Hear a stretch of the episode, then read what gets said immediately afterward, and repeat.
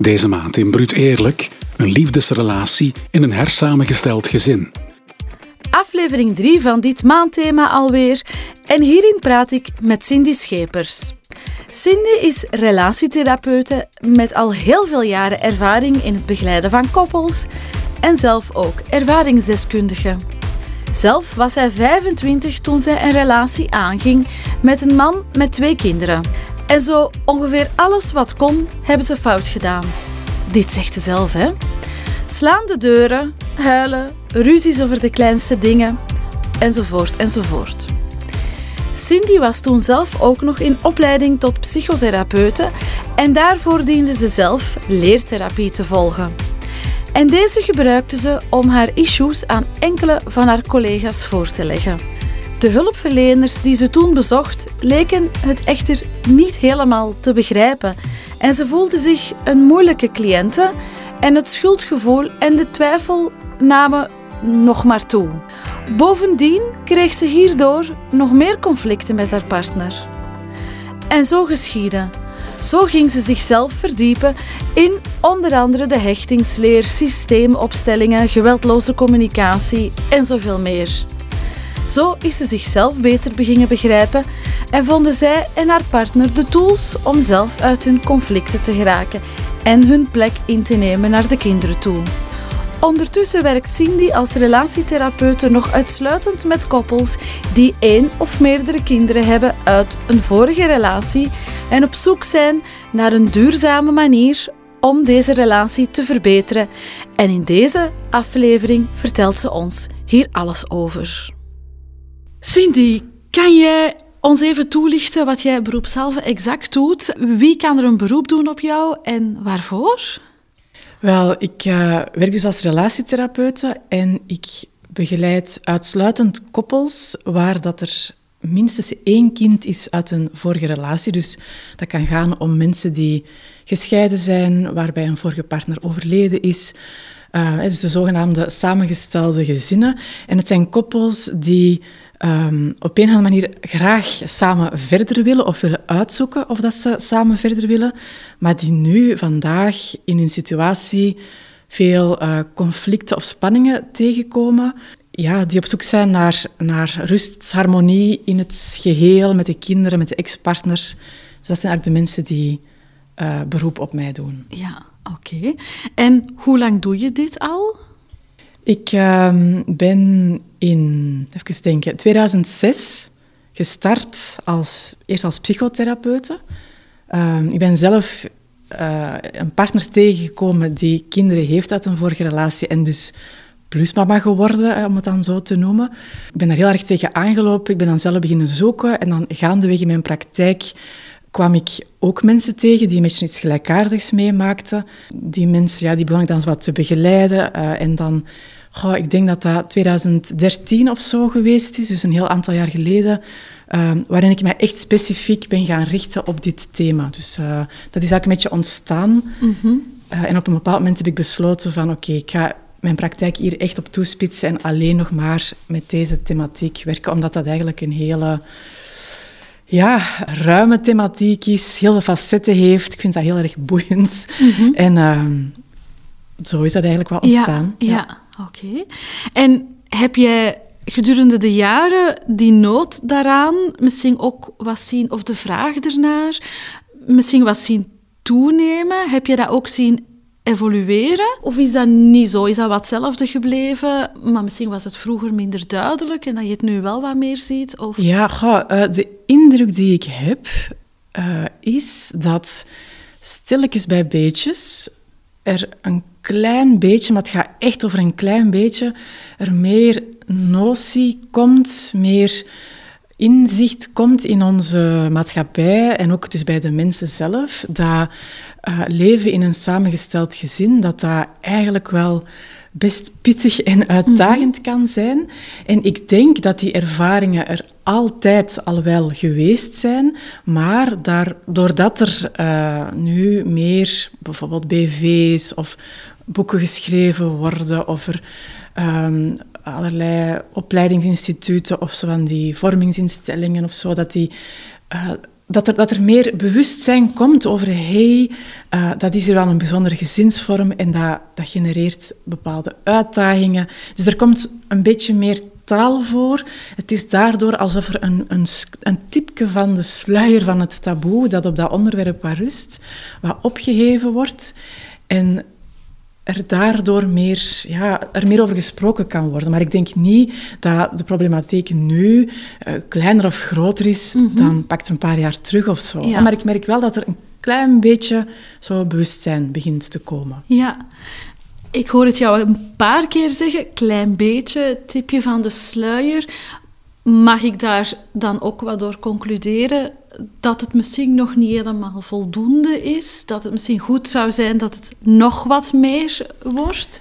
Er zou nog heel ja. wat meer... Er moet nog veel water naar de zee stromen, denk ik. Mm -hmm. um, bijvoorbeeld, ja, ik, ik, ik heb bijvoorbeeld een aantal jaar geleden... Um, was ik docenten aan de scheidingsschool. Dat is een, een vereniging in Leuven die uh, heel veel, ook vanuit de, groeps, vanuit de praktijk, zo, hè, mensen ontdekten van, goh, er, over scheiding valt heel veel te vertellen. En, en hoe fijn zou het zijn dat we ouders die gaan scheiden mee kunnen pakken en een aantal dingen kunnen leren.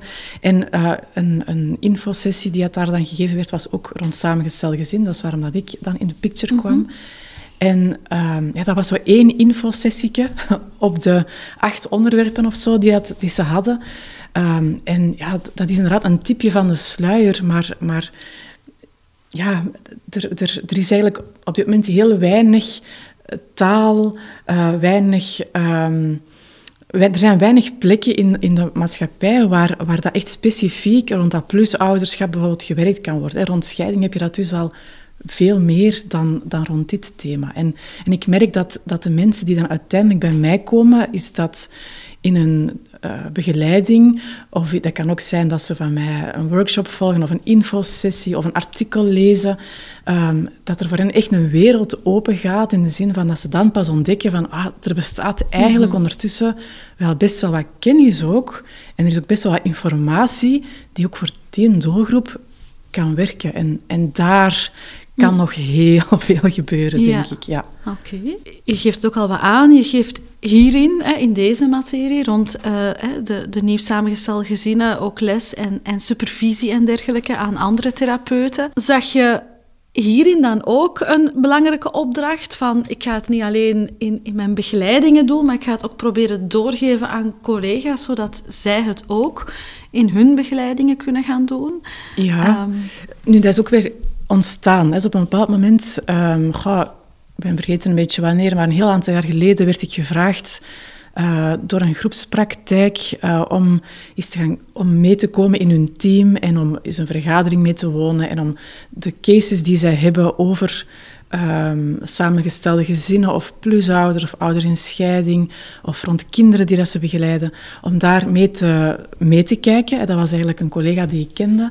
En dan heb ik eigenlijk, ben ik een beetje van mijn stoel gevallen om te zien van oei, hè, er, er, um, er is eigenlijk heel veel dat ik te vertellen heb en dat mhm. blijkbaar mm -hmm. andere hulpverleners niet weten of, of op een andere manier bekijken. En dus ik heb een beetje kunnen proeven van, ik heb hier wel iets te vertellen. En ik ben eigenlijk gaandeweg ja, dan dingen beginnen ontwikkelen. Ik vind dat zelf ook heel plezant om naast de, de begeleidingen um, te doseren of te schrijven of te superviseren. Dus dat, was, dat is ontstaan, maar het is een fijne afwisseling in mijn werk eigenlijk. Ja, ja. ja. En daar zijn wij elkaar, denk ik, heel veel jaren geleden in uh, de opleiding relatie, partnerrelatietherapie ja. tegengekomen. En ik was enorm fan. En ik heb heel veel zaken zo echt herhaald tijdens uh, mm -hmm. uh, begeleidingsgesprekken dat jij toen die dag gezegd hebt. En inderdaad, mensen, ik, ik, ik, ik herinner mij vooral dat mensen ineens zich daar heel hard in herkenden als ik dat inderdaad ja. uitlegde, zoals jij dat toen gedaan had. um, zo, ik ga een keer zeggen wat Cindy heeft gezegd. en dan zo, ja, ja, wat jij nu zegt, ja, daar herken ik mezelf in. Hè. Um, dus daar is mijn... Uh, mijn bewondering ontstaan, hè, ondertussen ook al heel veel jaren geleden. ja, hè. ja precies zo wat er gebeurt. Ja. ja. wat mag ik mij voorstellen? Want je zegt, ik geef enkel nu nog therapeutische begeleiding voor mensen die, die inderdaad in een situatie waar dat er een kindje een, niet biologisch van hen aanwezig is. Van hen twee, hè? Dus, dus de ene is wel de ouder en de andere noemen we dan plusouder of stiefouder. Mm uiteraard kan dat koppel ook samen kinderen hebben. Ze kunnen ook elke kinderen meebrengen. Dat zijn dan de enkel samengestelde gezinnen of de dubbel samengestelde gezinnen. Dat zijn eigenlijk de situaties waar dat ik mee werk. Ja. En met welke hulpvragen, wat moeilijkere situaties komen mensen zowel bij jou terecht? Wat zijn zo hulpvragen dat je vaak krijgt? Um, als ik zo... Ik weet, het is een beetje een gekke vraag, maar ik krijg die vraag ook vaak. En ik heb er al heel vaak zo over nagedacht. Dus vandaar dacht ik, oh, ik wil eigenlijk wel eens weten hoe dat, dat dan specifiek bij jou is. Als je zo'n ja, een top drie zou moeten samenstellen van een beetje de hulpvragen die jij het meeste hoort um, in mhm. zo'n eerste of eerste gesprekken. Wat, wat mag ik mij daarbij voorstellen? Mhm. Wat is dat dan zoal? Goh, uh, goeie vraag. Want je moet weten dat uh, het samengesteld gezin bestaat niet en de vraag bestaat ook niet. Hè. Dus heel grosso modo gezegd uh, gaat het over spanningen die ervaren worden, conflicten. Dat kan gaan over een conflict of een spanning in het geheel, dus op gezinslevel. Dat er, dat er, dat er bijvoorbeeld gemerkt wordt van Um, het botert niet tussen de plusouder en de pluskinderen. Dus in de stiefrelaties zit heel veel onwennigheid, stroefheid, conflict. dat is zo een heel mhm. grote. Uh, het kan ook gaan over uh, conflicten in, een uh, in de partnerrelatie. dat is denk ik wel, dat mag ik wel zeggen, denk ik, de, de grootste brok aan vragen. En wat kom ik daar dan vooral in tegen? Uh, dat gaat vooral over verschillende visies. Bijvoorbeeld verschillende visies um, op opvoeden, op hoe ga je om met de kinderen. Um, een koppel, zeker als ze allebei kinderen hebben, kan ook heel erg het gevoel hebben van het lijkt wel alsof dat we met twee gezinnen onder één dak zitten en dat er een soort wij versus jullie verhaal mhm. komt en dus alle spanningen die daar uh, rond opduiken. En misschien als laatste puntje, veel voorkomend, dat is uh, vraagstukken eh, die gaan over het omgaan met de andere ouder, dus de ex-partner. Wat is daar de juiste grens in? Hoeveel invloed is, is normaal dat hij of zij heeft? Alle conflicten die daarover bestaan. Dus dat is zo een beetje ik weet niet of dat een top drie is nu, maar dat zijn toch wel heel grofweg gezien de categorieën aan, aan vragen die, die mij gesteld worden hierin. Ja. Iets wat ik heel vaak hoor, is dat koppels zo zeggen van... Kijk, als wij met... De, bijvoorbeeld die week-om-week-regeling, mm wat we heel vaak zien. En als de kinderen bij ons... Als, als de kinderen er niet... De week dat de kinderen er niet zijn, zijn wij een topkoppel. Echt een topkoppel. We zijn het perfecte koppel. En de week dat de kinderen er zijn, lukt het eigenlijk niet. En vaak wordt dat dan een beetje aangekoppeld. Dus ja, het ligt eigenlijk niet aan ons of het ligt niet aan mij, want wij zijn een topkoppel. Het is als de kinderen er zijn dat het niet lukt. Dus dan wordt er wat naar de kinderen gekeken als, als oorzaak. Is dat iets dat jij ook vaak hoort, vaak met de maken Ja, absoluut. Sterker nog, ik denk dat dat ook een beetje mijn eigen ervaring is. Hè. Dus zoals ik al zei, mijn partner heeft twee uh, kinderen uit een vorige relatie, twee meisjes. En uh, exact zoals jij het nu zo verwoordt, voelde ik van, ah, met deze man wil ik verder. Mm -hmm. Dat is ja, de man van mijn leven. Klinkt een beetje, ja, ik weet niet wat, uh, melodramatisch misschien, maar... Wat, ik vind het uh, vooral romantisch Ja, romantisch, dat is het woord. Hè. Dus ik voelde echt van, ja, met deze man, kan, we kunnen heel goed praten. Een super klik, dat had ik met mijn voorgaande partners helemaal niet.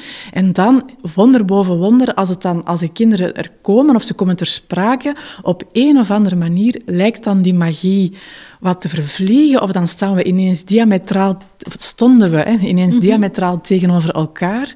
Uh, dus dat is denk ik iets wat heel vaak gebeurt. En de de denkfout, en ik noem dat echt zo, een denkfout die dan gemaakt wordt, is het ligt dus aan de kinderen. Terwijl mhm. ik nu, zoveel jaar verder, ook als ik naar mijn eigen uh, situatie kijk, zie van het ligt niet aan de kinderen, het ligt nog steeds in het koppel. Het koppel um, heeft ook te leren hoe kunnen zij omgaan met situaties met die kinderen. In die kinderen zijn ze niet verbonden. Hè? Mhm. En dus ook daar is het belangrijk uh, dat ze elkaar ja, begrijpen. Ik weet niet of dat het juiste woord is, maar dat ze kunnen zien in elkaar van ja, natuurlijk heeft, heb je als ouder een andere positie dan als plusouder. Als het over uw kind gaat, dan bekijkt je dat toch anders dan uw eigen kind. En, en dat, het, dat iedereen daar een gevoeligheid in heeft, een andere gevoeligheid, een andere kwetsbaarheid.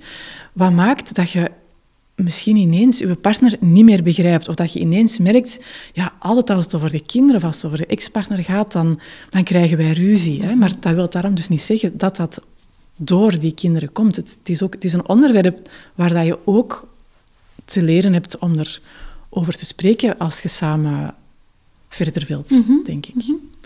En welke misschien wat eenvoudige tips om mee te beginnen zouden we aan die, die koppels kunnen geven in eerste instantie? Of hoe zouden we hen ervan kunnen overtuigen misschien dat is nog een stap eerder, dat het werk en de verantwoordelijkheid wel bij hen ligt. Mm Goh, weet je, iemand overtuigen, dat is altijd heel moeilijk. Hè? Want ik kan niemand overtuigen die, daar niet, die niet overtuigd wil worden. Hè? Dus, dus ik denk dat... Dat is ook hoe ik het bij heel veel cliënten zie gebeuren.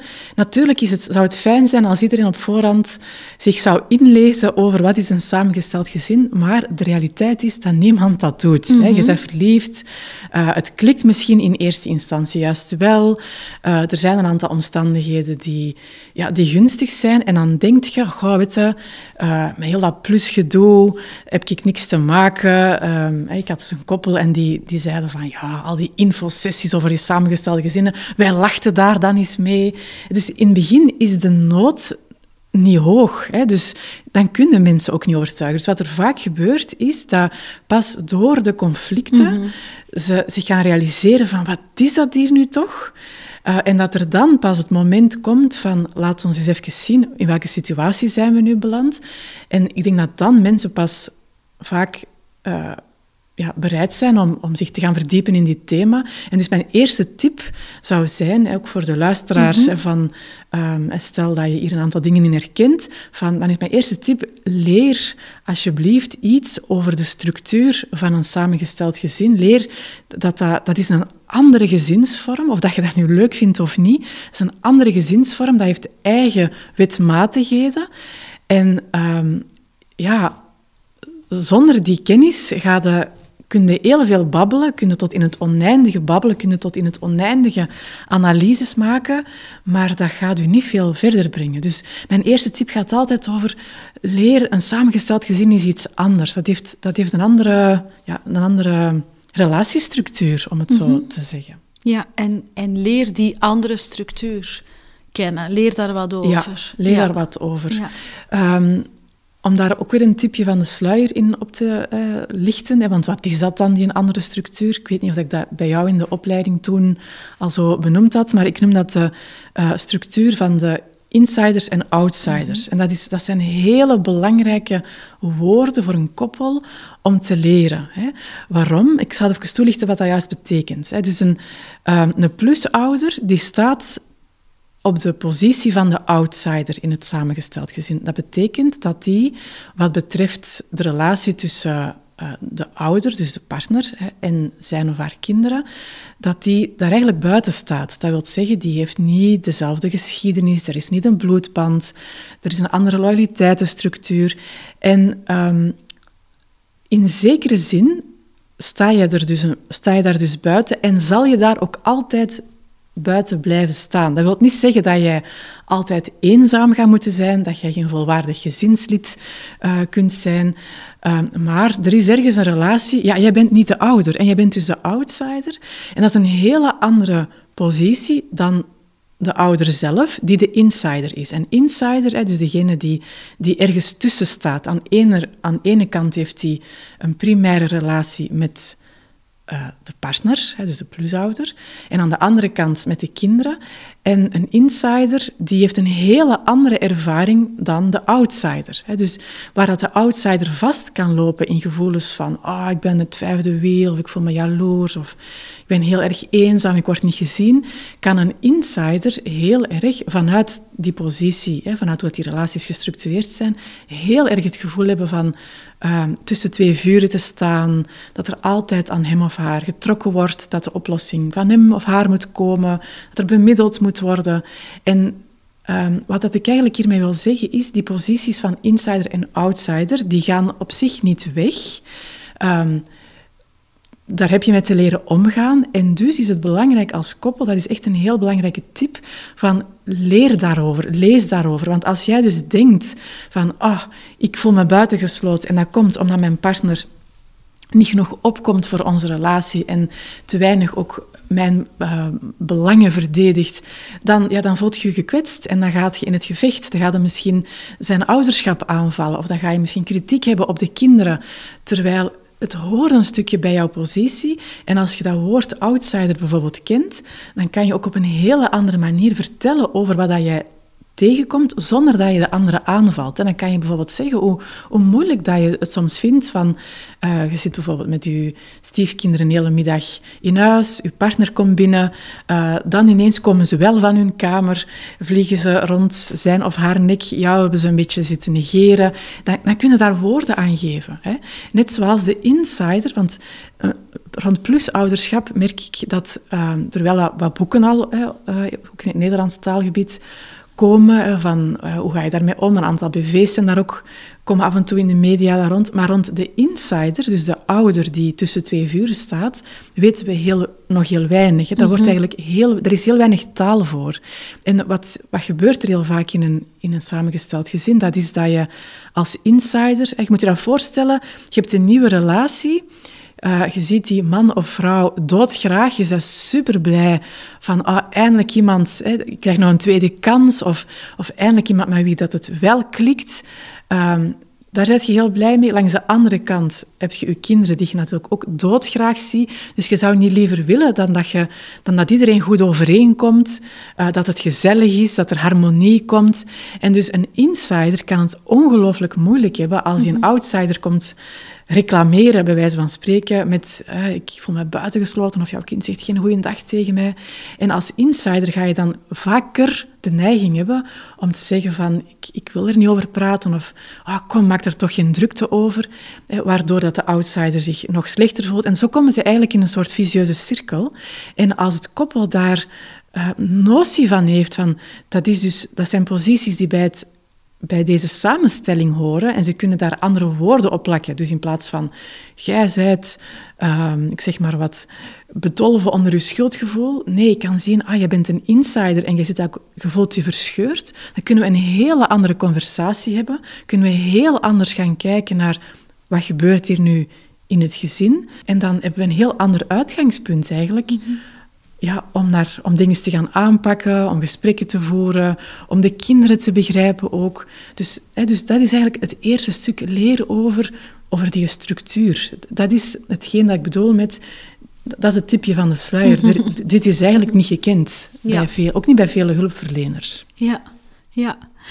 Ik meen mij te herinneren dat je dat inderdaad toen, die allereerste keer, hebt uitgelegd door zo cirkels te tekenen. Van, er zijn cirkels tussen rond bepaalde ja, personen in het gezin, mhm. maar jij staat buiten die, die cirkel. Mhm. Jij hoort wel tot andere cirkels, maar er zijn gewoon verschillende cirkels. En je, kan, je hoort niet bij elke cirkel, maar het is ook oké van daar buiten te staan. En dat is exact hetgene wat ik enkele dagen later aan Annelies vertelde heb. Annelies heeft ook hier haar verhaal gedaan. En wat zij zo herkenbaar vond en wat haar ongelooflijk geholpen heeft, eigenlijk dat, dat verhaal van insider-outsider. Eerst het stukje, uh, zij was toen de outsider, om, om dat voor zichzelf eigenlijk te kunnen gewoon wat, wat aanvaarden en loslaten. Van, Mhm. ah, ik moet eigenlijk daar niet bij horen, want Ja, ik kan daar niet bij horen. Dus ik kan dat, dat loslaten. En dat is niet slecht van daar niet bij te horen. Dat is gewoon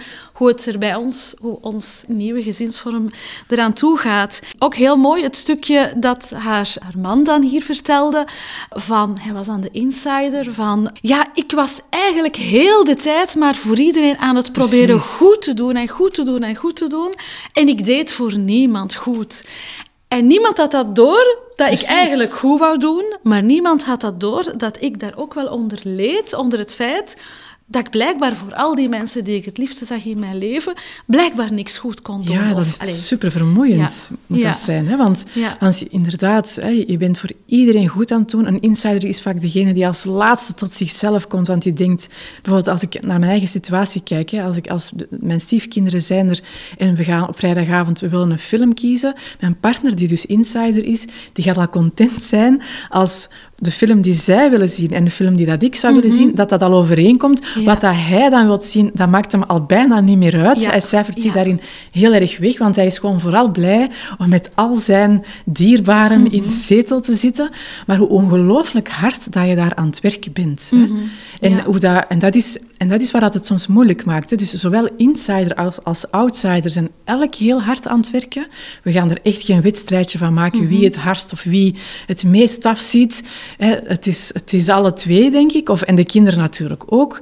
Ehm, en als dat al gewoon benoemd kan worden, ja, hoe anders kunnen elkaar dan al in de ogen kijken. Dus dat, dat is daar een mooi voorbeeld, denk ik. Ja. Mm. ja, ja. Ik vond dat inderdaad ook bijzonder waardevol dat hij dat met ons deelde, eh, hoe dat inderdaad voor hem is geweest. Nu, ik hoorde jou daarnet Cindy zeggen van, bijvoorbeeld als mensen wat het idee hebben van, oh, al die plusouderinfo, dat is niet voor ons. Eh, bij ons gaat dat wel allemaal. Dat is misschien al een beetje een, een niet zo productieve houding. Allee, als het allemaal goed loopt wel natuurlijk, hè. zoveel te beter. Maar heb je nog zo ja, dynamieken of zo dat je vaak ziet? Of misschien wat kan ook een individuele houding zijn van iemand waarvan dat je zegt van... Oké, maar als je eigenlijk deze houding of misschien een beetje deze foutieve overtuiging blijft hebben, dan gaan we er niet komen. Wat, wat kunnen zo wat foute overtuigingen, onproductieve houdingen zijn bij mensen in... in eh, best, partners dan, eh, denk ik, moeten we best zeggen. Niet, niet bij de kinderen, ook al gaat het misschien over volwassen kinderen, want dat kan zeker ook. Maar bij de partners, wat kunnen daar zo wat onproductieve houdingen zijn? Ja, Goh, natuurlijk, Vanessa, ik denk dat het belangrijk is om altijd voor ogen te houden dat, ehm, dat, dat, het, dat mensen vooral verlangen naar de liefde. Hè? En dat ze op zoek zijn naar de liefde. Dat ze verlangen naar een thuis, naar geborgenheid, naar een soulmate, naar iemand met wie ze plezier kunnen hebben. Dus dat is het uitgangspunt en dat is prima. Hè? Maar wat er natuurlijk gebeurt, heel vaak, en dat is een overtuiging, als je dat dan zo wil noemen, of een houding, dat is dat, dat verlangen naar die, die liefde, eh, dat mondt soms uit in het idee van, ah, met deze partner kunnen we helemaal, ik kan helemaal opnieuw beginnen en van een schone lei kunnen beginnen. Ehm, ook van eh, als we maar goed genoeg, als we maar lang genoeg wachten, als we de tijd maar een beetje uitzitten, dan, ehm, dan gaan we wel naar elkaar toe groeien, want wij zien elkaar toch graag. Hè? Dus zo het idee van dat tijd raad brengt of zoiets, dat is een, dat is een heel begrijpelijk eh, idee, maar het is niet, ik zeg altijd, het is niet zoals het uitzitten van een zwangerschap, waar dat je een bepaalde tijd moet wachten en dan wordt er iets geboren. Nee, het is een actieve tijd. En de tijd uitzitten maakt soms dat, dat het zelfs van kwaad naar erger gaat. Wat zijn nog overtuigingen? Dat, dat is dat liefde is, is. Eh, als er, als er, eh, liefde overwint alles. Hè, dus als er maar liefde is, dan, dan zal het wel goed komen. Als we uh, allemaal ons best doen of, of afspraken maken, allemaal wat water bij de wijn doen, dan gaat het wel lukken. En dat is, ik zeg natuurlijk niet dat ze niet hun best mogen doen, mm -hmm. uh, maar waar dat je niet omheen kan, is bijvoorbeeld die structuur van insider-outsider. Die gaat niet weggaan, ook niet na twintig jaar. En dus als je gaat denken, van als ik maar mijn best doe, bijvoorbeeld, ik ben een plusouder, als ik maar mee um, cupcakes bak of uh, naar de, aan de zijlijn van de voetbal ga staan en naar mijn stiefkind ga kijken, dan gaan ze wel zien dat, dat ik goede bedoelingen heb en dan gaan ze me wel opnemen, met andere woorden dan ben ik niet meer die outsider. Ja, dat gaat natuurlijk niet lukken. En dan um, komen we van kwaad naar erger, want dan denk je, ik heb keihard mijn best gedaan. Mhm. Ik heb alles gegeven wat ik kon. Nog is niet genoeg. Zien jullie mij wel graag? Hè? Of ziet jij mij wel graag? Uh, wanneer is geven? En dan komen dus de conflicten. Hè? Uh, nog een idee dat heel veel voorkomt, uh, dat is als wij maar genoeg afspraken maken dan komt het wel goed. En versta me niet verkeerd, hè? ik denk dat het heel goed is om te spreken en afspraken te maken. En, maar je, je gaat het hele verkeer, tussen aanhalings, eh, het sociale verkeer, tussen aanhalingstekens, niet kunnen regelen door een heel boekhouding aan regeltjes. Hè? Want ja, je gaat altijd geconfronteerd worden met uh, insider-outsider. Stel je bijvoorbeeld voor, we hadden dat in ons samengesteld gezien op een bepaald moment van, ik ergerde mij heel erg aan de kinderen van Peter, die bijvoorbeeld elke keer als ze in de badkamer kwamen een andere handdoek of zo moesten nemen op een of andere manier. Uh, daar hadden we dan een afspraak over gemaakt. We bijvoorbeeld, uh, ieder had een kleurensetje met handdoeken. Maar dan, uh, ja, dan gebeurde er weer iets anders in de keuken. Of dan hadden ze hun schoenen niet in het kastje gezet. Of, op den duur kunnen overal um, afspraken over maken. Maar ja, wat je natuurlijk niet buiten kunt is... Ja, ik ben de outsider. Ik, ik kom ook een stukje in een... In een um, een deelgezin, ik kom met een deelgezin in contact dat een bepaalde cultuur heeft. Ik, ben natuurlijk, ik heb ook een cultuur, dus we gaan, we gaan daar samen in moeten zoeken. Ehm, ik ga misschien, mijn, mijn pluskinderen die gaan het misschien niet zo gemakkelijk hebben met mij. Die, die vinden misschien een aantal veranderingen die er door mij komen niet fijn. En dus het is veel belangrijker om onder de waterlijn te gaan kijken dan alles te proberen vastleggen in regeltjes en afspraken. Want dan raakt je eigenlijk alleen maar verder gefrustreerd. Hè? Uh, en misschien een laatste, heel veel voorkomende idee is dat, um, dat leden van een samengesteld gezin, of dat je nu samenwoont of niet, hè, dat maakt daarin niet uit, maar dat er verbindingen gesmeed kunnen worden als wij maar veel samen doen. Ja, als we maar heel veel tijd samen doorbrengen, um, als we uh, op vakantie gaan en drie weken samen de tent delen, dan gaan we elkaar wel leren kennen. Ik denk dat dat heel vaak het slechtste idee is dat je kunt doen, want dan, gaat, dan gaat, gaan al die loyaliteitsconflicten juist naar boven komen. Dus ik denk dat het uh, om samen te kunnen, allee, om zo dat gevoel van samen zijn te kunnen kweken, dat het belangrijk is om ook zuurstof toe te laten, ruimte toe te laten en om uh, bijvoorbeeld af en toe eens gewoon op te splitsen. Hè, dat de ouder het met het kind alleen doet of dat je als koppel even een wandelingsje rond een blok gaat maken.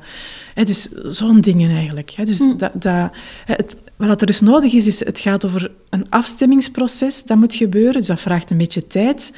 Maar dat gaat dus niet automatisch, dat gaat niet met een boekhouding aan afspraken, dat gaat niet met zet ons lang genoeg in één kot en dan, zien we, dan vliegen we elkaar allemaal in de armen.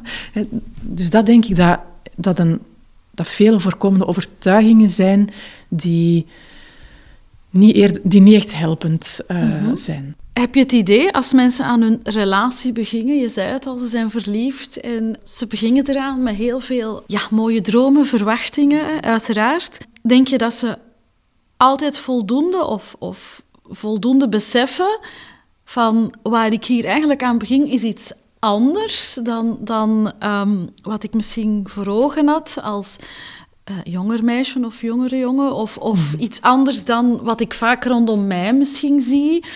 Of iets anders waar ik al jaren van droom. En anders niet als in beter of slechter, maar wel anders. Mhm. Denk je dat mensen dat beseffen als ze aan een relatie beginnen met iemand die al kindjes heeft, of vice versa, iemand die al kindjes heeft, die in een nieuwe relatie stapt met iemand die er misschien nog geen heeft, of ook al kindjes van een eerdere relatie? Mhm. Ik uh, denk dat daar koppels zijn die daar wel notie van hebben, en ik denk dat er koppels zijn die daar mhm. totaal geen notie van hebben. Dus de twee komen heel erg voor. Hè. Dus um, als ze er te weinig notie van hebben, hè, dan beginnen ze en dan volgen ze hun buikgevoel, zitten ze op een roze wolk en dan gaat vroeg of laat die structuur zich wel laten gelden in de vorm van het loopt niet, er zijn conflicten, ehm, ik voel me niet goed. Hè. Anderzijds zijn er ook koppels of mensen, ouders plus ouders, die daar wel notie van hebben mhm. en die uh, daar goed mee omgaan of die daar en, en, goed mee omgaan, wat is dat dan? Die dat op zijn minst daarover nadenken, het daarover hebben, um, vraagtekens zetten bij sommige besluiten. Ook daar heb je natuurlijk een groep mensen in soms die ook daarin kan doorschieten. Hè? Zo van, die dan op voorhand um, bijna schrik hebben om aan dat gezin te, hmm, te beginnen. Die niet, niet nog eens durven gaan samenwonen, want ze hebben gehoord, oei, die stiefgezinnen, dat heeft een groot scheidingspercentage. Of uh, ik heb nu juist mijn huis kunnen overkopen en ik ben nu eindelijk een beetje terug, mijn, mijn, mijn leven is terug een beetje op het goede spoor. Wat als ik mij terug engageer met een nieuwe partner, gaat, gaat dat, wat gaat dat dan allemaal geven? Dus ook daar kun je um, wel geïnformeerd zijn, maar dan schrik hebben om je er ehm, in het avontuur te smijten, hè, zouden kunnen zeggen. Ja. ja. Zie jij ook soms dat effectief, want we zeiden net van, het komt wel vaak voor dat mensen het idee hebben van wij zijn, wij zijn een supergoed koppel. Het is, het is als de kinderen er zijn dat het niet loopt, dus het is de kinderen hun schuld, maar komt het ook daadwerkelijk voor dat het wel een, een goed koppel is, maar dat ze werkelijk door de situatie van het nieuw samengestelde gezin eigenlijk dat die zo een negatieve invloed heeft op de relatie, dat die effectief daaraan ten onder gaat, dat hij het niet overleeft, ook al is de liefde wel heel groot, maar dat mhm. mensen echt zeggen van ja, het is de situatie, dit, dit gaat niet voor mij, dit kan ik niet. Ik heb geprobeerd, maar het lukt niet. Zie, zie je dat regelmatig of zeg je dat ja, toch zeer veel. Hè? Dus, dus wat dat, ja, ook, eh, wij zijn een goed koppel. Hè? Wat betekent dat dan? Mhm. Want dat betekent dus dat als je met twee bent, dat je je draai wel vindt. En mensen zeggen dat ook soms bij mij, van oh, wij zijn samen een week op vakantie geweest en zie je wel, dan hebben we geen ruzie. Hè? Maar de, uw realiteit is dat de situatie er is. En dat vraagt dus ook van jou en je partner dat je ook daarin een goede koppel leert zijn. Dus, dus het is niet zo van, je hebt enerzijds het koppel en dan heb je het gezin en zien nu wat een slachtoffer wij worden van het gezin. Nee, als koppel heb je ergens te leren van hoe gaan wij daarmee omgaan. Mhm. En uiteraard is dat dan heel pijnlijk hè, als je merkt van ik zie die mens graag en, en het lukt niet. Of, het, uh, of we krijgen altijd ruzie over de, de opvoeding van de kinderen. En, en, en ik zie ook vaak dat er dan uh, koppels wel uit elkaar gaan, terwijl dat er dus wel veel liefde is, en dan is dat misschien nog extra pijnlijk. Mhm. dat, is, dat, is, misschien pijnlijker, ik wil daar geen, geen, geen uh, vergelijking maken, hè, maar ik kan me voorstellen als je met een vorige partner voelt van wij zijn uit elkaar gegroeid, of we leven als broer en zus, of uh, dat als dat, als dat liefdestuk weg is, dat het, dat kan ook heel pijnlijk zijn, hè, verstaan we niet verkeerd, maar hier is de liefde soms nog heel erg levend, mhm. en um, kunnen zo het gevoel hebben, we verstaan elkaar echt niet. En dan is dat extra, extra pijnlijk. Hè. Dat maakt ook dat, ja, dat er dus nog meer uit elkaar, uit elkaar gegaan wordt in zo'n tweede of een derde relatie met dus kinderen dan in een eerste relatie. Mhm. Oké. Welk advies zou je koppels kunnen geven? Koppels die in een nieuw samengestelde gezinssituatie leven, maar eigenlijk naar elkaar toe. Dus in een koppelstuk, in een liefdespartnerstuk. Om dat eigenlijk fijn te houden. Mhm. Welke misschien specifieke tips die toch wel misschien wat anders, wat specifieker zijn dan de tips die je zou geven misschien aan een koppel niet in een nieuw samengestelde gezinssituatie. Welke tips zou je dan zo geven? Um... Ja, het is heel belangrijk voor elk koppel, hè? niet alleen mhm. de samengestelde, uh, dat er dat je partnerrelatie, ja, dat, dat is een soort ruimte, dat is een, een tijd die met elkaar doorbrengt, dat is een energie waarin dat je zit, hè, waar dat je um, je erotiek beleeft, waar je liefdespartners bent, waar dat je ook gewoon van mens tot mens bent. En het is zo belangrijk in elke relatie dat dat stuk een plek blijft krijgen. Hè. En natuurlijk uh, is het zo dat afhankelijk van de regeling met de kinderen, het zou kunnen zijn dat uw liefdestuk wel een plek krijgt. Bijvoorbeeld, ja, je ziet de kinderen maar... Ze zijn maar één weekend op de twee bij jullie, bijvoorbeeld. Mhm. Dan is er best wel wat tijd. Natuurlijk, het leven zit bij iedereen vol en we hebben het allemaal druk. Maar dan, dan zijn er makkelijker gelegenheden mhm. om uh, samen eens, weet ik veel, een massage te boeken of naar de sauna te gaan of weet ik wat, wat dat je fijn vindt om samen te doen. Ehm, dus misschien zijn de omstandigheden juist gunstig voor jullie om, om dat liefdestuk um, neer te zetten. Maar tegelijkertijd kan het ook zijn dat uh, de zorgen rond de kinderen heel veel plek innemen.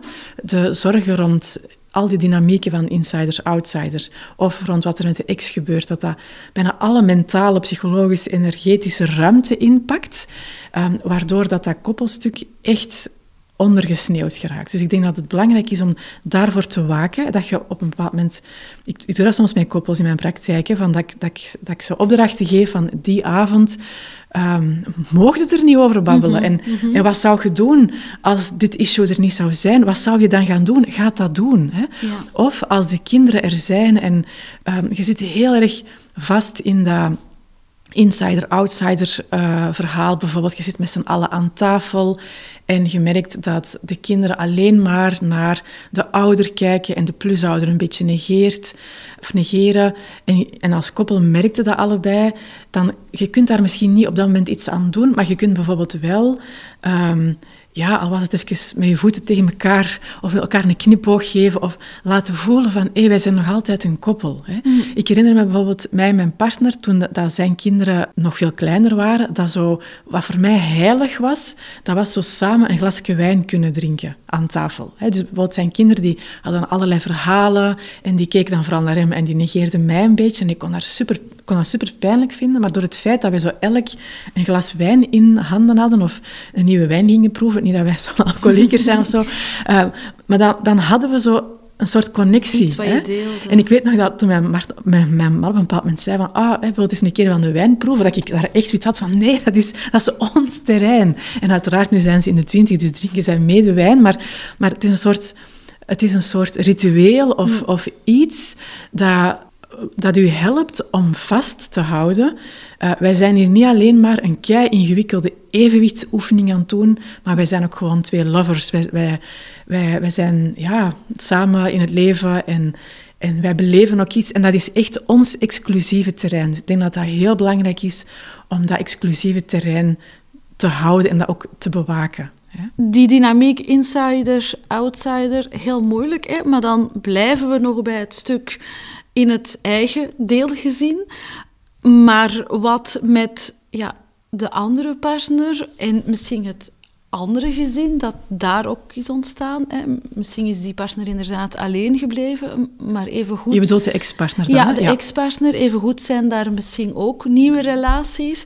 Wat is zo een gezonde manier van omgaan met de ex-partner van jouw partner, de biologische ouder dan van jouw pluskinderen. Hè? Want ik, ik hoor vaak van, oh, ik kan daar nu toch ook niet de beste vriendin van zijn. Dat mhm. lijkt me een raar gevoel. Maar ik wil wel een minimale communicatie. Maar ook een heel moeilijke evenwichtsoefening. en als je mij dan soms over niet mogelijk, denk outsider ik, spreekt, dan denk ik dat dat, ik, ik weet niet, nog meer out-out-outsider is. Maar wel een heel belangrijke, want die staat er niet buiten. Ik kan me voorstellen dat die regelmatig, zonder fysiek aanwezig te zijn, heel aanwezig is. Hè. Bij mama moeten wij dat zo doen, of mama zegt dat, of, allee, uh, of, of, papa kan even goed. Wat is een, een gezonde, productieve manier om, om zo daar posities tegen elkaar in te mhm. nemen? Wel, ik denk dat het heel belangrijk is dat eh, wat dat je ook gaat doen, dat je je realiseert van kijk, uh, die persoon, dus die ex-partner, uh, dat is en dat blijft de mama of de papa van de mhm. kinderen. Dat is de enige echte mama of papa van de kinderen. En uh, het, vanuit zijn of haar pijn hè, rond de scheiding of zo, is er misschien heel veel conflict en heel veel dat je van elkaar niet kunt hebben. Maar, maar is het, dan zou mijn een belangrijke houding is dat je ergens het respect hebt gewoon voor het feit dat die persoon de enige echte mama of papa is van het kind. En dat hij dus ook een plaats heeft in het leven van het kind. hè. Mhm. Dat is denk ik heel belangrijk ook voor kinderen om te kunnen voelen. Dat gaat ook maken dat kinderen uh, niet het gevoel hebben dat er een soort concurrentiestrijd komt met die plusouder. Um, en dus dat is denk ik een beetje de spirit uh, van waaruit dat je naar die persoon kan kijken. Hè. Nu, het is zo dat er situaties zijn waar dat er veel mogelijk is, hè, waar dat, misschien een heel extreem voorbeeld, hè, waar dat, de, dat er twee koppels, hè, dus het, bijvoorbeeld mama en haar nieuwe vriend en papa en de nieuwe vriendin, dat zijn de twee koppels, dat die samen op restaurant kunnen of aan tafel kunnen gaan zitten, een kopje koffie drinken en een situatie bespreken. Ik, mhm. dat, dat is misschien een heel extreem voorbeeld, maar dat komt soms voor.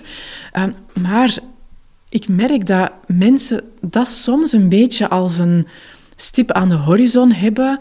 Of, of oké, ik hoef misschien niet bevriend te zijn met die ex-partner, maar toch wel hopen dat het een beetje smooth verloopt. Uh, maar als je merkt van ja, dat gaat niet, het doet te veel pijn, we zitten constant in elkaars haar, ik voel me niet gezien, niet gehoord, ik voel me over mij heen gelopen, dan kun je de vraag stellen, moeten wij daar aan tafel gaan zitten en een kopje koffie drinken? Ik denk het niet. Hè? Dus, mhm. dus dan denk ik ook, en misschien is de plusouder daarin, heeft hij daar een moeilijke rol in, misschien gaat dat gewoon niet als plusouder om, om een contact te hebben met die persoon, ook al zou je kunnen je voorstellen dat als het wel zou werken, dat dat heel waardevol zou zijn, ook voor de kinderen. Uh, maar soms werkt dat gewoon niet. En dan denk ik, laat dat dan alsjeblieft. Hè? Want mm. wat is er eigenlijk wel nodig? Kijk, die ex-partner die, uh, is de andere ouder van het kind. Dus de twee ouders die hebben het kind nog als ja, gezamenlijk eh, ja, project, om het dan even zo oneerbiedig te zeggen. En daar gaat hun contact noodzakelijkerwijze over gaan als, het, als er dan toch contact moet zijn. Dus ik zou dat dan beperken tot, uh, in heel extreme gevallen van conflict, tot het echte noodzakelijke contact gewoon tussen de twee ex-partners. En, en een plusouder kan daar soms een helpende factor in zijn, maar heel vaak een, een ja, een olie op het vuurfactor. Dus als je dat merkt, dan zou ik zeggen, laat dat alsjeblieft. Hè. En laat de ouder het met de co-ouder bekijken. Dat is soms ook al, al moeilijk genoeg. Hè. Mm. Dus er hoeft in principe geen lijntje te zijn ehm, tussen bijvoorbeeld plusmama en de mama mm. van, van de kinderen. Waardevol lijkt me dat mensen inderdaad, misschien als het echt niet lukt na heel veel pogingen, weten dat het oké is en, en mogen erkennen mhm. en aanvaarden het, het lukt niet. Het is ook oké. Ja, ja, zeker. kan en mag het ook. En dat maakt ja, ik denk dat, dat soms um, ruimte laten op die manier. Hè, dus niet bijvoorbeeld als plusouder moeten iets gedaan krijgen of je punt willen doormaken. Dus dat ruimte kunnen geven is soms een heel groot cadeau dat je hm. kan geven aan een systeem. Natuurlijk, de valkuil is dat je ruimte gaat maken ten koste van jezelf. Dat is iets waar ik zelf heel erg in getrapt heb. Dat klopt natuurlijk ook niet. Maar zo ruimte kunnen laten voor bijvoorbeeld kinderen die door een loyaliteitsconflict niet uh, de mogelijkheid hebben om, om bijvoorbeeld die plusmama graag te zien, omdat ze dan schrik hebben dat mama zich in de steek gelaten voelt, of dat, weet ik wat. Dat, dat, als je dat kunt zien van, goh ja, die kinderen zitten misschien in de knel en ik doe er hen eigenlijk geen cadeau mee door, door iets te willen forceren en om het gewoon zo te laten, dus om op die manier ruimte te bieden, dat dat een enorme cadeau is. Ja, ik denk dat, dat het fijn zou zijn als mensen dat zouden kunnen beseffen. Hè? Mm. Maar natuurlijk, ik zeg dat hier heel gemakkelijk. Dat is natuurlijk niet altijd zo gemakkelijk. Hè? Want ja, ik wil wel ruimte bieden, maar ze bieden geen ruimte voor mij terug. Dus waar ligt mijn eigen grens hierin? Ehm, ex-partners kunnen ook echt heel erg over de grens gaan. En er moet ook wel soms een grens komen. Maar in de spirit ga je het er wel over van, kijk, dat is en dat blijft de enige echte andere ouder van het kind. En die heeft dus, of dat ik dat nu wil of niet, ergens een plaats. Die maakt deel uit van het systeem. En, en dat zal ik erbij moeten pakken. Ook al heb ik daar geen zin in. Zo. Hm. Oké.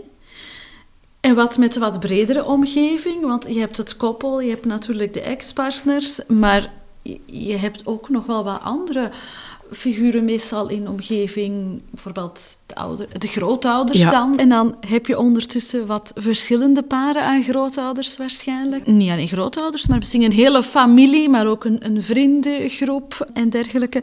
Hoe, ja, hoe ga je daarmee om als, mhm. als ja, wat ja, zowel als plusouder dan als misschien de biologische ouder. Mhm. Want ook daar moet je dan weer een extra plaatje eigenlijk gaan creëren voor iemand. Ehm, Goh, dat is een dat? hele ruime vraag, Ja. eh, merk ik. Bijvoorbeeld als het... Weet je, iedereen heeft eigenlijk wel vaak een mening hè, Mhm. over relaties en over wat is er daar gebeurd en, en, en was die scheiding nu al terecht en wie is de schuldige en, en wat hoort een plusouder te doen en Mhm. wat hoort een ouder te doen. Dus daar zijn heel veel overtuigingen en meningen over. Dus mijn eerste ehm, tip zou zijn van...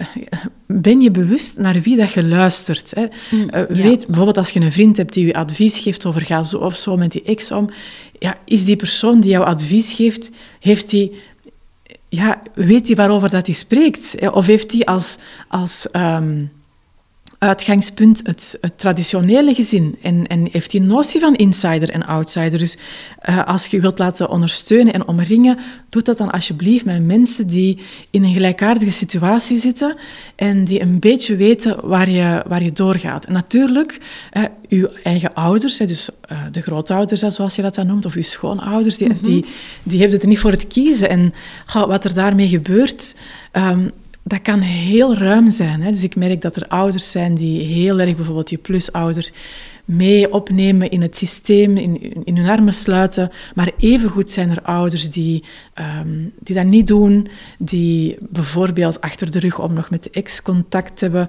Dus dat is heel, heel gevarieerd. En ik denk dat, dat, dat we dat terug kunnen leiden naar, ehm, als jij dan de ouder bent, en je bent dus kind van die ouders, ja, dat gaat eigenlijk over de relatie die jij met jouw ouders hebt en hoe respecteren jouw ouders de keuzes die jij maakt in jouw leven. En dat gaat eigenlijk meer over een soort ja, individuele kwestie dat je op dat moment met je eigen geschiedenis hebt. En, en hoe, en hoe, eh, hoe komt je daar vooruit? Hoe eh, durft je je ouders tegen te spreken? Dus dat, zijn, dat is een heel ruim terrein eigenlijk om daar zo een paar standaard Ja. dingen in, in te zeggen, denk ik. Ja.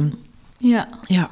Stel, je krijgt eh, straks iemand voor u en die zegt van, "Goh, ik sta eigenlijk op punt om een relatie te beginnen met iemand die al kindjes heeft. Ik weet eigenlijk niet wat te verwachten, ik weet niet wat gedaan, maar ik weet wel dat ik het goed wil doen. Ik wil me een beetje voorbereiden en daarom kom ik bij jou langs. Kan je mij misschien een algemeen eerste belangrijk advies geven van, oké, ik ga binnenkort de eerste keer die kindjes ontmoeten en dergelijke. Ehm, hoe pak ik dit het beste aan? Mhm.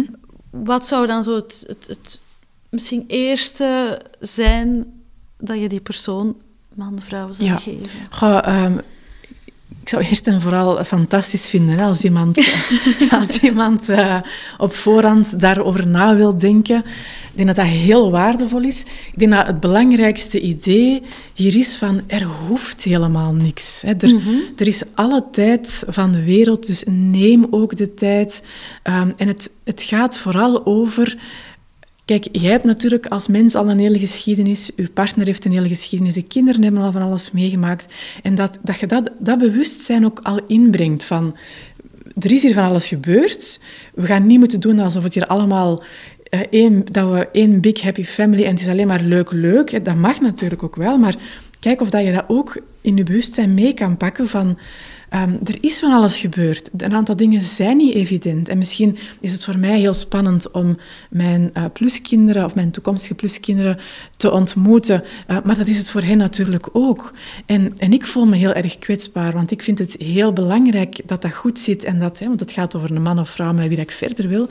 Eh, maar, maar kan ik zien dat iedereen hier een ander verhaal heeft, een ander perspectief heeft, een andere kwetsbaarheid heeft. Dat hij misschien niet op mij zit te wachten.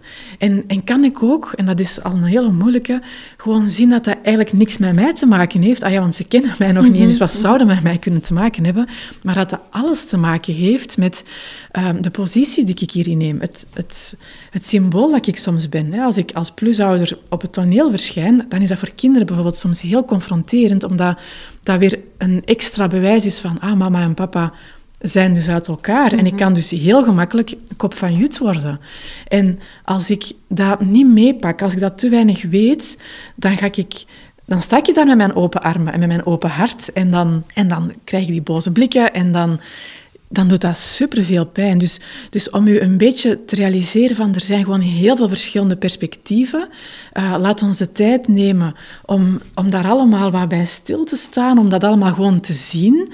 Om niet meteen met oplossingen te komen of dingen die we moeten gaan doen, zodat het goed gaat lopen. Het gaat vooral over over zijn, denk ik. Dat klinkt misschien een beetje wollig en abstract, maar het gaat vooral over dat ik daar ben en dat ik zie van, ja, uh, het is niet zo evident, ik weet het ook allemaal niet, maar ik respecteer dat er verschil is. Ik respecteer dat we dat hier moeten uitzoeken.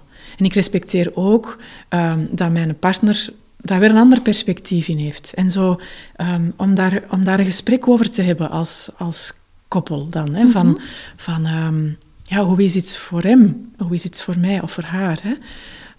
Dat denk ik dat heel belangrijke dingen zijn. Dus dat het niet iets is van, we moeten een stappenplan gaan volgen en dan gaan we het mm. goed doen. Nee, haal er zoveel mogelijk druk af. Dus bij een eerste ontmoeting, maak dat niet, ik weet niet hoe lang. Uh, kom even binnen en ga dan terug naar buiten. Uh, spreek af op een neutraal terrein. Hè, en... en dat, dat zijn zo kleine dingetjes, denk ik, waar dat je rekening mee kan mhm. houden. Ja. ja. Wat als de andere partner jou zou consulteren, hè? dus de partner, de biologische mama of papa, die zegt van ik heb een nieuwe relatie, die persoon heeft nog geen kindjes en voilà, binnen een aantal dagen gaan we zo hè, die eerste stappen mhm. richting uh, zetten. Welke tips zou je aan die persoon geven? Hè? Want we hoorden daar straks toch ook wel zeggen van die insiderrol. Uh, wordt vaak toch niet gezien en ook mhm. wat onderschat, of daar hebben we misschien wat minder aandacht voor. Welke tips zou je misschien aan die persoon kunnen geven om misschien toch ook dat eh, enerzijds wel goed aan te pakken, maar ook dat, dat stuk voor zichzelf toch wat te mhm. bewaken? Dus je wilt eigenlijk zeggen, hè, dus jij bent gescheiden en jouw ex die komt aankondigen dat, dat hij of zij een nieuwe relatie heeft. Hè? Dat is wat jij bedoelt? nee, oké. Ik heb een nieuwe relatie en ik heb uh, al kindjes uit mijn vorige relatie. En mhm. ik heb nu een nieuwe relatie met iemand die nog geen kindjes heeft. En ja, de volgende stap is dat ik die allemaal aan elkaar ga... Ik ga ze samenbrengen, ik ga ze aan elkaar voorstellen, want we gaan binnenkort een gezin vormen. Ja. Ja. Um, ja, dus als... Ah ja, en vandaag jouw vraag, de tips voor de insider. Dus ik denk dat het... Um, je hebt natuurlijk je hebt dan primair hè, die relatie met de kinderen en met, met je nieuwe partner. Dus mhm. er zijn veel mensen die naar jou kijken als insider.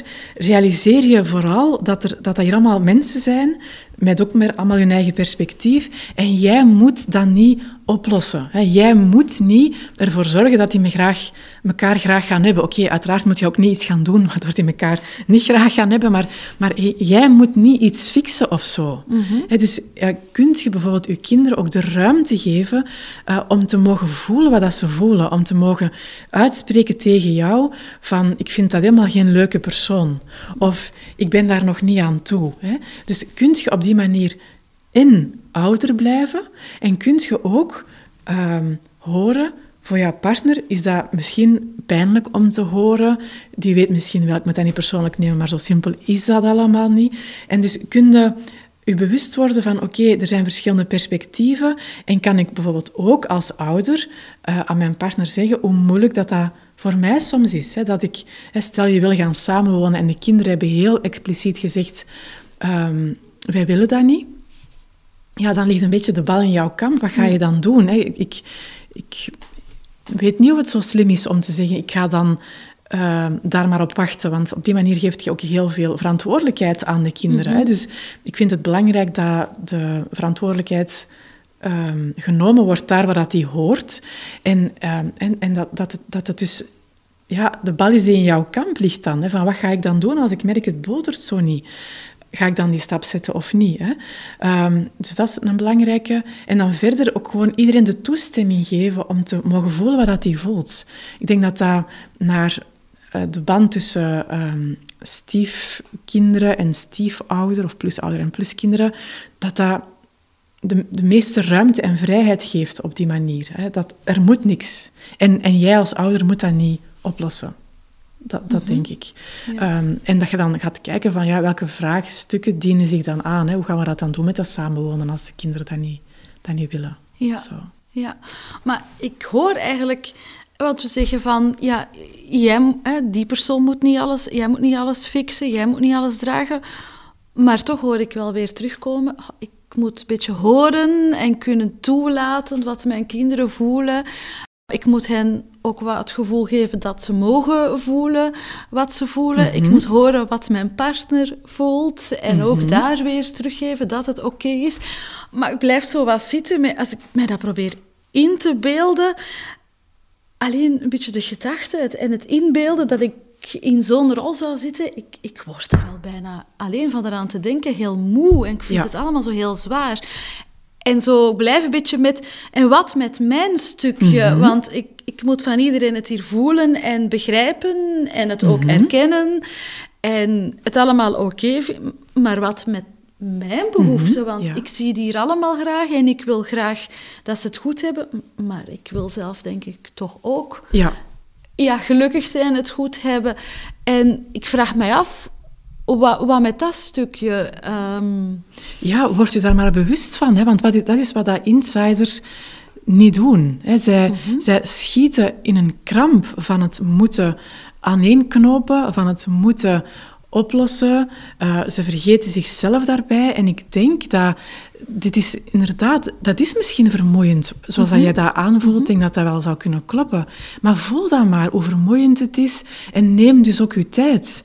Neem de tijd en, en, en, en voel het. Uh, ook al woon je al samen, hè, want de, de tip neem de tijd, die komt altijd te laat. Hè, want mensen zeggen dan van ja, hadden we dat maar geweten. Mhm. Maar je kunt altijd nog tijd nemen, ook als je al samen woont en er als een razende zot ingevlogen bent.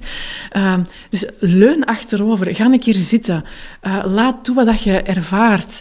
Um, spreek daarover. Realiseer je, ik moet dat hier niet oplossen. En dus kan je dat laten bestaan. Dat, dat, dat is misschien onwennig, dat is misschien nieuw voor u in uw leven, maar ik denk dat je vanuit een ander bewustzijn ja, altijd in een kramp gaat schieten en dat en dat, dat dus niet gaat werken.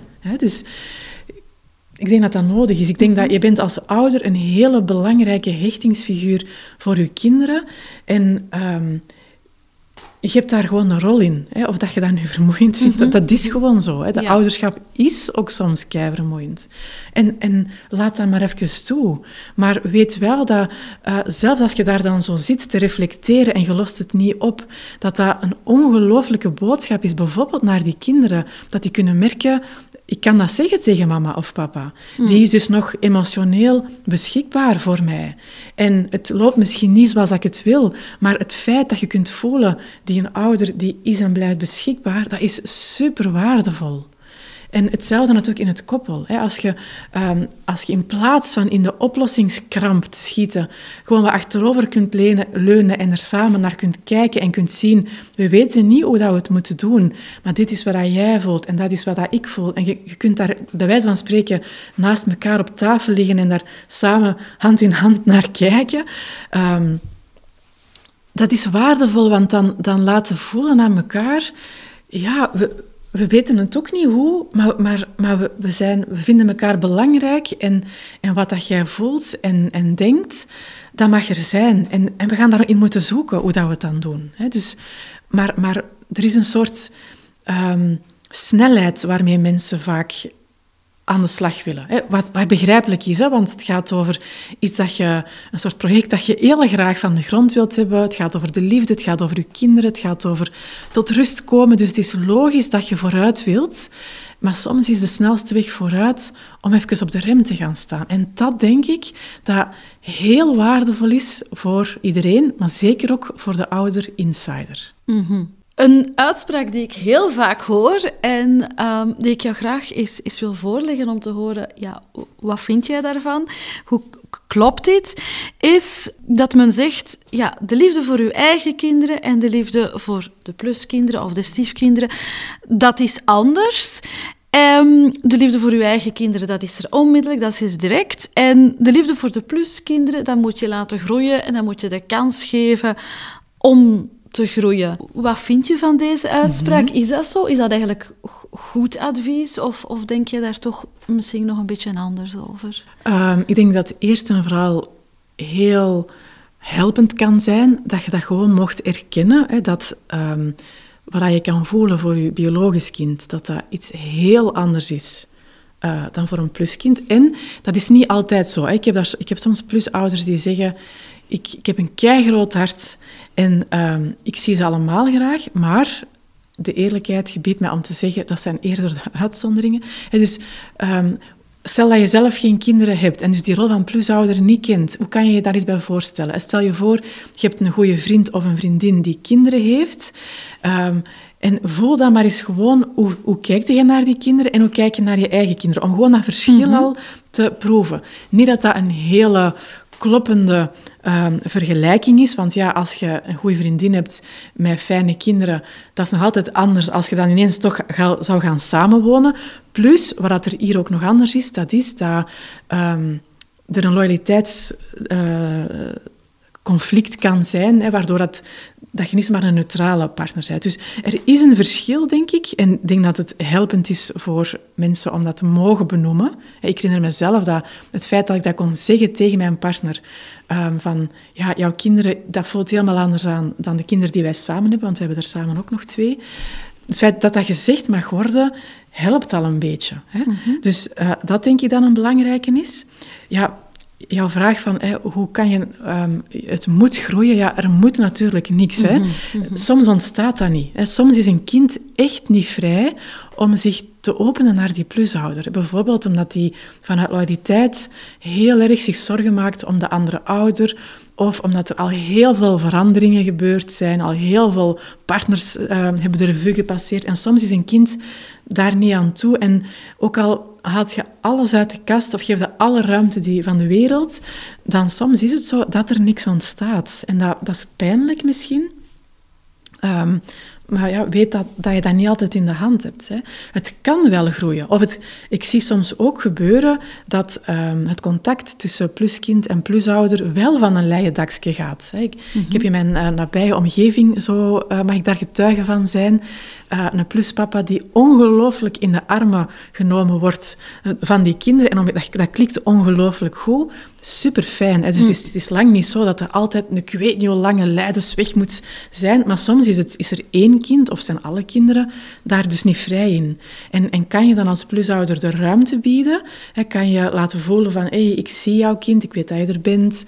Um, ik ben nieuwsgierig naar naar wie zijt jij eigenlijk, wat vind jij fijn, welke vakken op school vind je moeilijk, wat zijn uw interesses. Ik kan daar af en toe wel eens een visje naar gooien, ik kan contact met u proberen maken, maar of dat, dat kind dan toehapt of niet, dat heb je eigenlijk een beetje in het midden te laten. Hè. En um, er, er kan dus wel van alles ontstaan, maar dat is geen garantie op succes.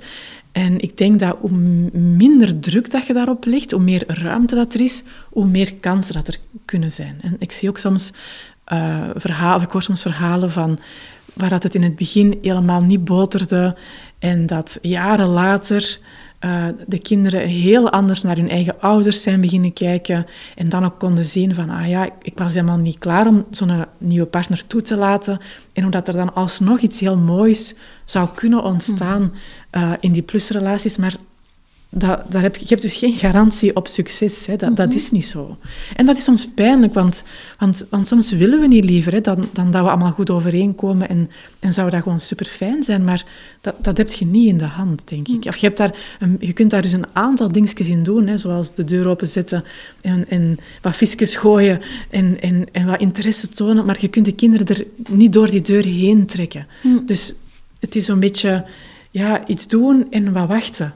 Zo. Mhm. en, en weten dat het soms pijnlijk is als dat niet gebeurt. Hè.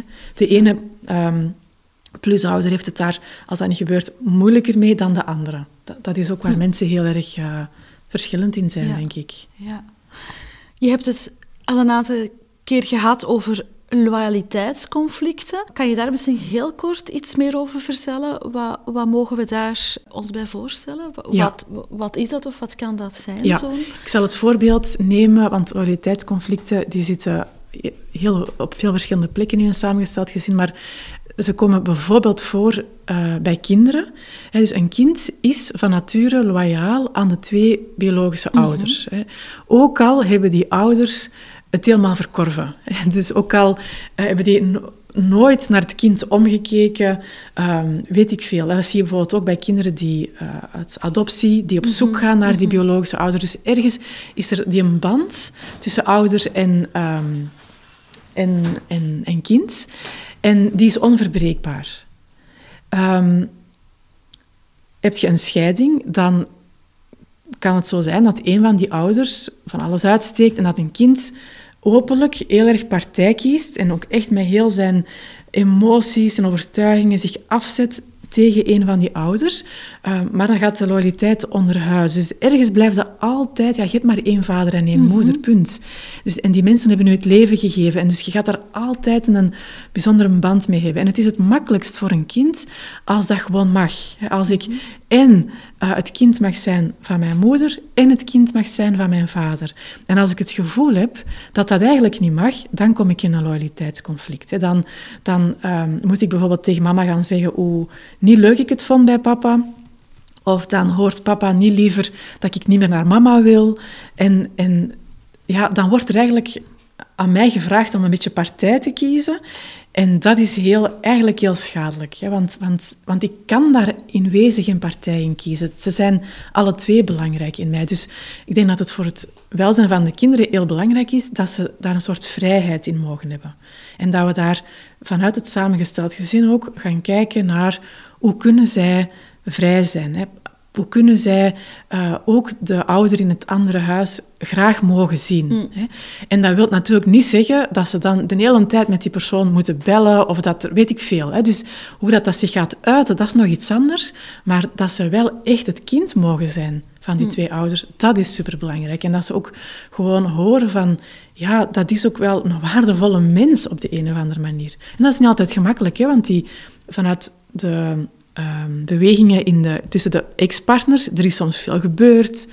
Um, er is soms heel veel onrecht aangedaan. Hè, of die ouder die kijkt niet naar de kinderen om. En dat komt natuurlijk ook voor.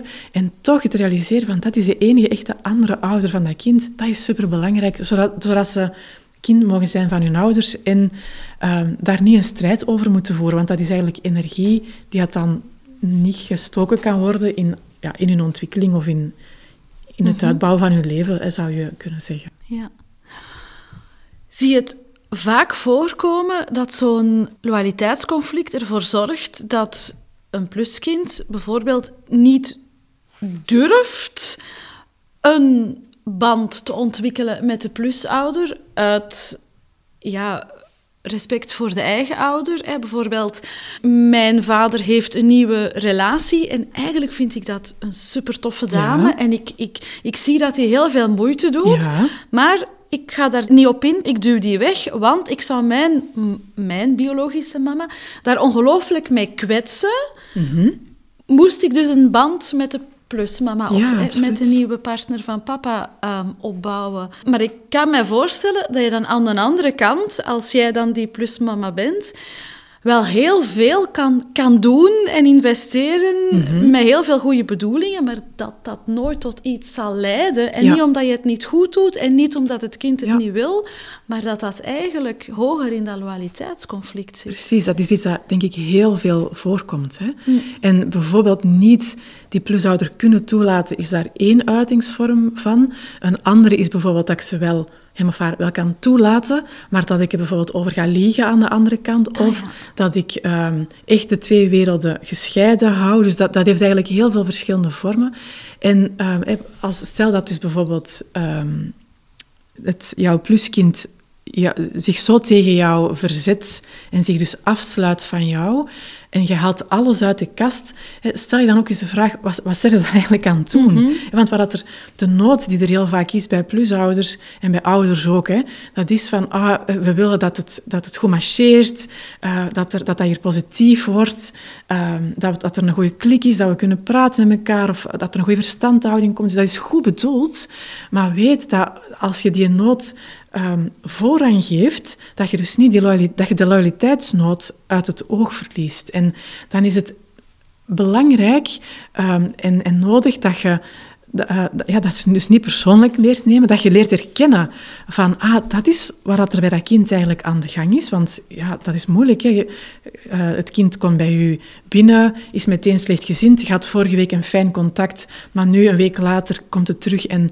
het lijkt alsof je helemaal van nul af aan mm hè, iets moet mhm. opbouwen. Um, ja, het, de kans dat je dat persoonlijk gaat nemen is heel groot, maar leer dus zien dat dat mogelijk te maken kan hebben met een loyaliteitsconflict, zodat je daar ook geen druk hoeft te zetten op het kind. En dat je misschien letterlijk of tussen de lijnen door of impliciet echt de houding kunt hebben of kunt uitstralen van natuurlijk vind jij dat niet gemakkelijk hier. Natuurlijk zit jij, um, zit jij bezorgd om je mama of, of vind je het moeilijk om je weer te openen. Je hebt dat volle recht, kind. En als je op die manier die ruimte laat ehm, aan die jongen of dat meisje dan denk ik dat je een hele goede basis zou kunnen hebben om later als dat kind daar wel aan toe zou zijn. Of als hij, dat, als hij niet zo gekneld zit in die loyaliteiten, ja, dan heb je denk ik al een streepje voor. Want dan, dan heb je iets ongelooflijk gegeven. Namelijk, je hebt je eigen nood aan verbindingen en die heb je opzij gezet uh, voor die nood Ehm, van het kind om loyaal te kunnen zijn. Dus het gaat heel erg over kunnen erkennen wat er gebeurt. Kunnen zien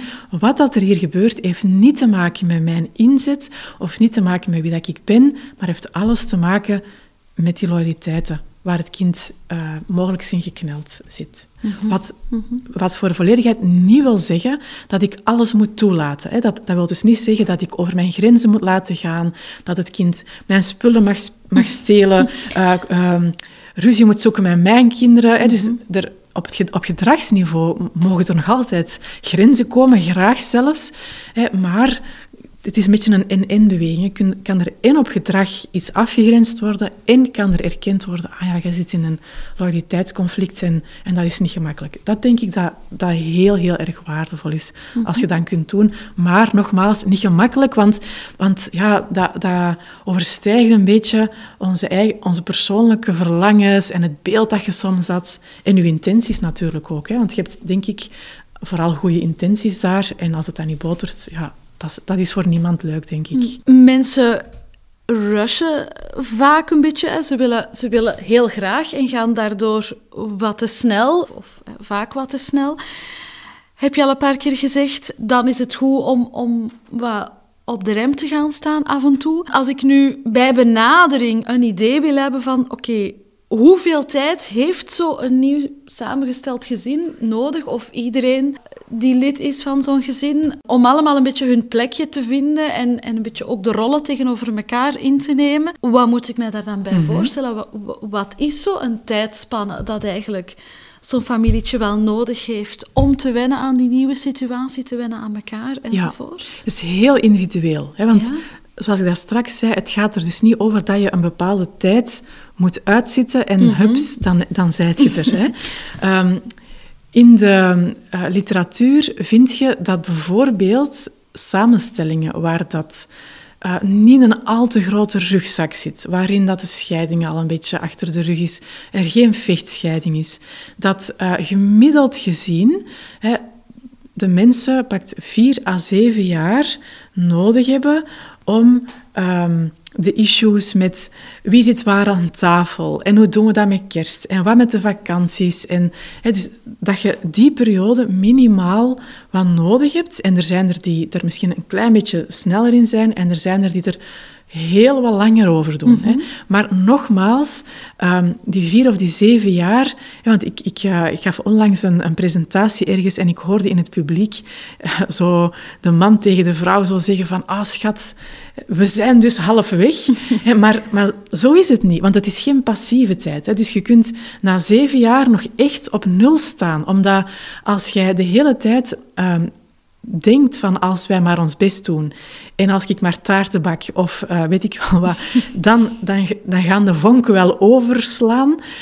Dat, dat is het soms niet. Dus, dus het, het gaat er heel erg over hoe actief ben je dan in die tijd? Hoe uh, durft je de conflicten benoemen? Durft je zeggen van, goh, um, jullie zijn het hier allemaal eens met dat wij weet ik veel, dat we die radiopost opzetten, maar ik, ik vind dat helemaal niet tof. Dus durft je jezelf zichtbaar maken? Durft je zeggen van, ik, uh, ik heb het ergens moeilijk mee. Durf je een probleem aan te kaarten?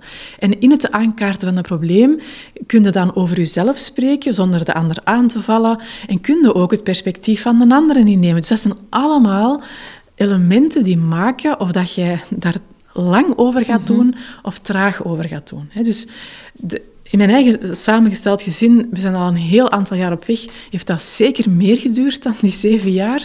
Omdat ik zelf heel, en we zijn eigenlijk allemaal heel eerder voorzichtige mensen die heel veel rekening willen houden met elkaar, maar daardoor dus juist te weinig durven het conflict aangaan, waardoor dat de conflicten als een soort spoken in de ruimte uh, dikwijls beginnen te zweven. En dat geeft dan weer heel veel ongenoegen. Dus we hebben daar echt een beetje ons peren in gezien. Uh, maar zo, en dan is er soms dus een uitbarsting en dan denken mensen vaak van ja, zie, het is hier om zeep en, en nu is het onherstelbaar kapot. Terwijl ik denk, het feit dat er iets naar boven komt, oké, dat kan destructief zijn of dat kan de laatste beweging geweest zijn, maar dat kan ook een gelegenheid zijn um, om eens te gaan zien, wat is dat hier nu allemaal? En dat is soms maar na tien jaar. Of ik had onlangs een koppel, na vijftien jaar kwamen die daar maar toe. Dus misschien is het goed dat mensen dat wel weten, die vier of zeven jaar, om het perspectief te hebben. Oké, het is dus wel wat, mhm. maar dan hoort mij echt met twee woorden spreken. Het is iets actief gaan doen. Hè. Het, is, het is geen passieve zwangerschap die je moet uitzitten en er wordt iets geboren. Zo is het niet. Nee. Maar het geeft wel al een goed idee dat we misschien zeker niet moeten verwachten na een half jaar alles... Uh, van een leien dakje te kunnen laten lopen. En oké, als dat wel zo is, super fijn. Maar dat dat misschien onze verwachting best niet kan zijn. Ja, en plus ook, weet je, wanneer is dat proces voltooid? Nooit natuurlijk. Hè. Dat is in, in elke gezinssituatie mhm, zo. Ik moet denken aan een lesbisch koppel dat ik onlangs, uh, of dat ik een tijd geleden begeleid had, die eigenlijk heel goed met elkaar en met uh, een van die dames had een, een, een kind, een meisje. Um, en dat klikte eigenlijk supergoed. Echt heel mooie verhalen.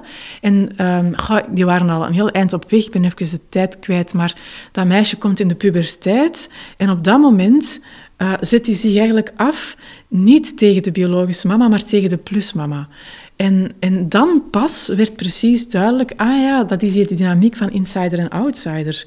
Uh, dat hadden ze daarvoor, al die jaren, was dat op een of andere manier zo geen ding geweest. Hè? Mm. En dan verschieten ze ervan, van, ah, dat gebeurt dus, maar dat kan dus ook. Hè? Dus het, het kan zijn dat je in het begin, dat, dat je ja, dat je een draai vindt met elkaar en dat gaandeweg um, dat je het ergens moeilijk mee hebt. Hè. Dat, dat, dat kennen wij eigenlijk allemaal in ons leven. Hè. Je hebt bijvoorbeeld ergens een job en in het begin is dat voldoende voor u, of werkt dat, of vervult u dat, maar na een tijd verandert je of verandert de omstandigheden.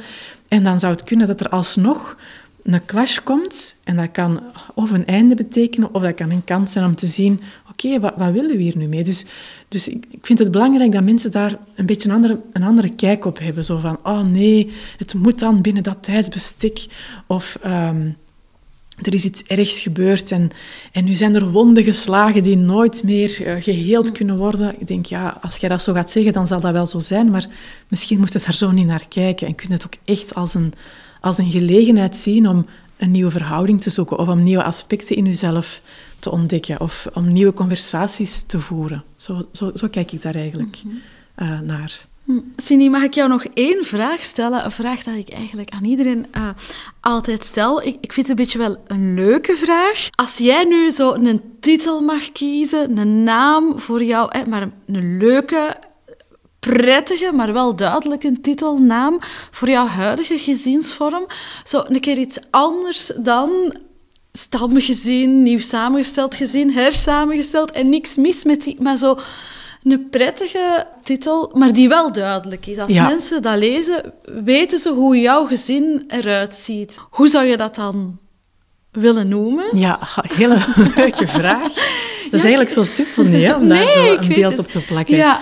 Wacht hoor, wat er in mij opkomt, er zijn een aantal woorden. Hè. Misschien kunnen we daar een beeld van maken. Is uh, ik, ik ervaar, dus we zijn met zes, hè, dus mijn partner heeft twee kinderen, wij hebben samen twee kinderen. En de oud, de, mijn twee stiefdochters die zijn uh, in de twintig en de oudste die woont samen met haar vriend. En de tweede die is onlangs afgestudeerd en die is zo wel niet uit huis, dat is nog mhm. altijd niet helemaal duidelijk.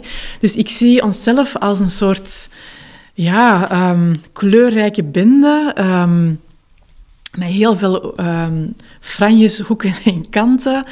Uh, ik denk dat wat dat ons bindt, hè, dus wat dat, ik zie zo'n soort lappendeken voor mij dan, een soort patchwork, dat is ook een mhm. beeld dat wel eens gebruikt wordt voor samengestelde gezinnen. Wat dat, wat dat, ons, wat dat zo'n beetje de, de binding is, wij zijn wel allemaal heel zachtaardige karakters. Uh, er is heel veel liefde en warmte, dus wij kunnen... Ja, dat is ook niet in ene zin, hè, nu wat ik aan het zeggen ben. dus ja, hoe dat wij ons samengesteld gezin de laatste tijd beleven, dat is bijvoorbeeld in etentjes op vrijdagavond, uh, heel gezellig aan tafel, gezelschapsspelletjes. Dus er is zo heel veel warmte, maar er is ook gewoon heel veel kleur. Hè. Er is heel veel mhm. verschil ook. Hè. Bijvoorbeeld mijn stiefdochters die zijn uh, van Wallonië, dus hun moeder is Franstalig. Wij uh, zitten aan de taalgrens, wij zijn Vlaams. Dus wij hebben ook heel veel ja, verschillen. En dus er is ook mhm. iets heel hilarisch. Dus het zou iets zijn als een zachtaardig, hilarisch, kleurrijk lappendeken of zo. Ja. Dat zou misschien iets uh, laten zien van hoe dat ik dat ervaar. Okay, is, is, dat, is dat het beeld dat jij zoekt? Ja, ik, ik ben helemaal mee. Ik zie het okay, deken helemaal fijn. voor mij. Dankjewel. Ja, eh, graag gedaan. Dankjewel om mij uit te nodigen. En dankjewel om hier vandaag te willen zijn. Met plezier. Dit was de laatste aflevering van deze podcastmaand, waarin Vanessa het had over een liefdesrelatie in een hersamengesteld gezin.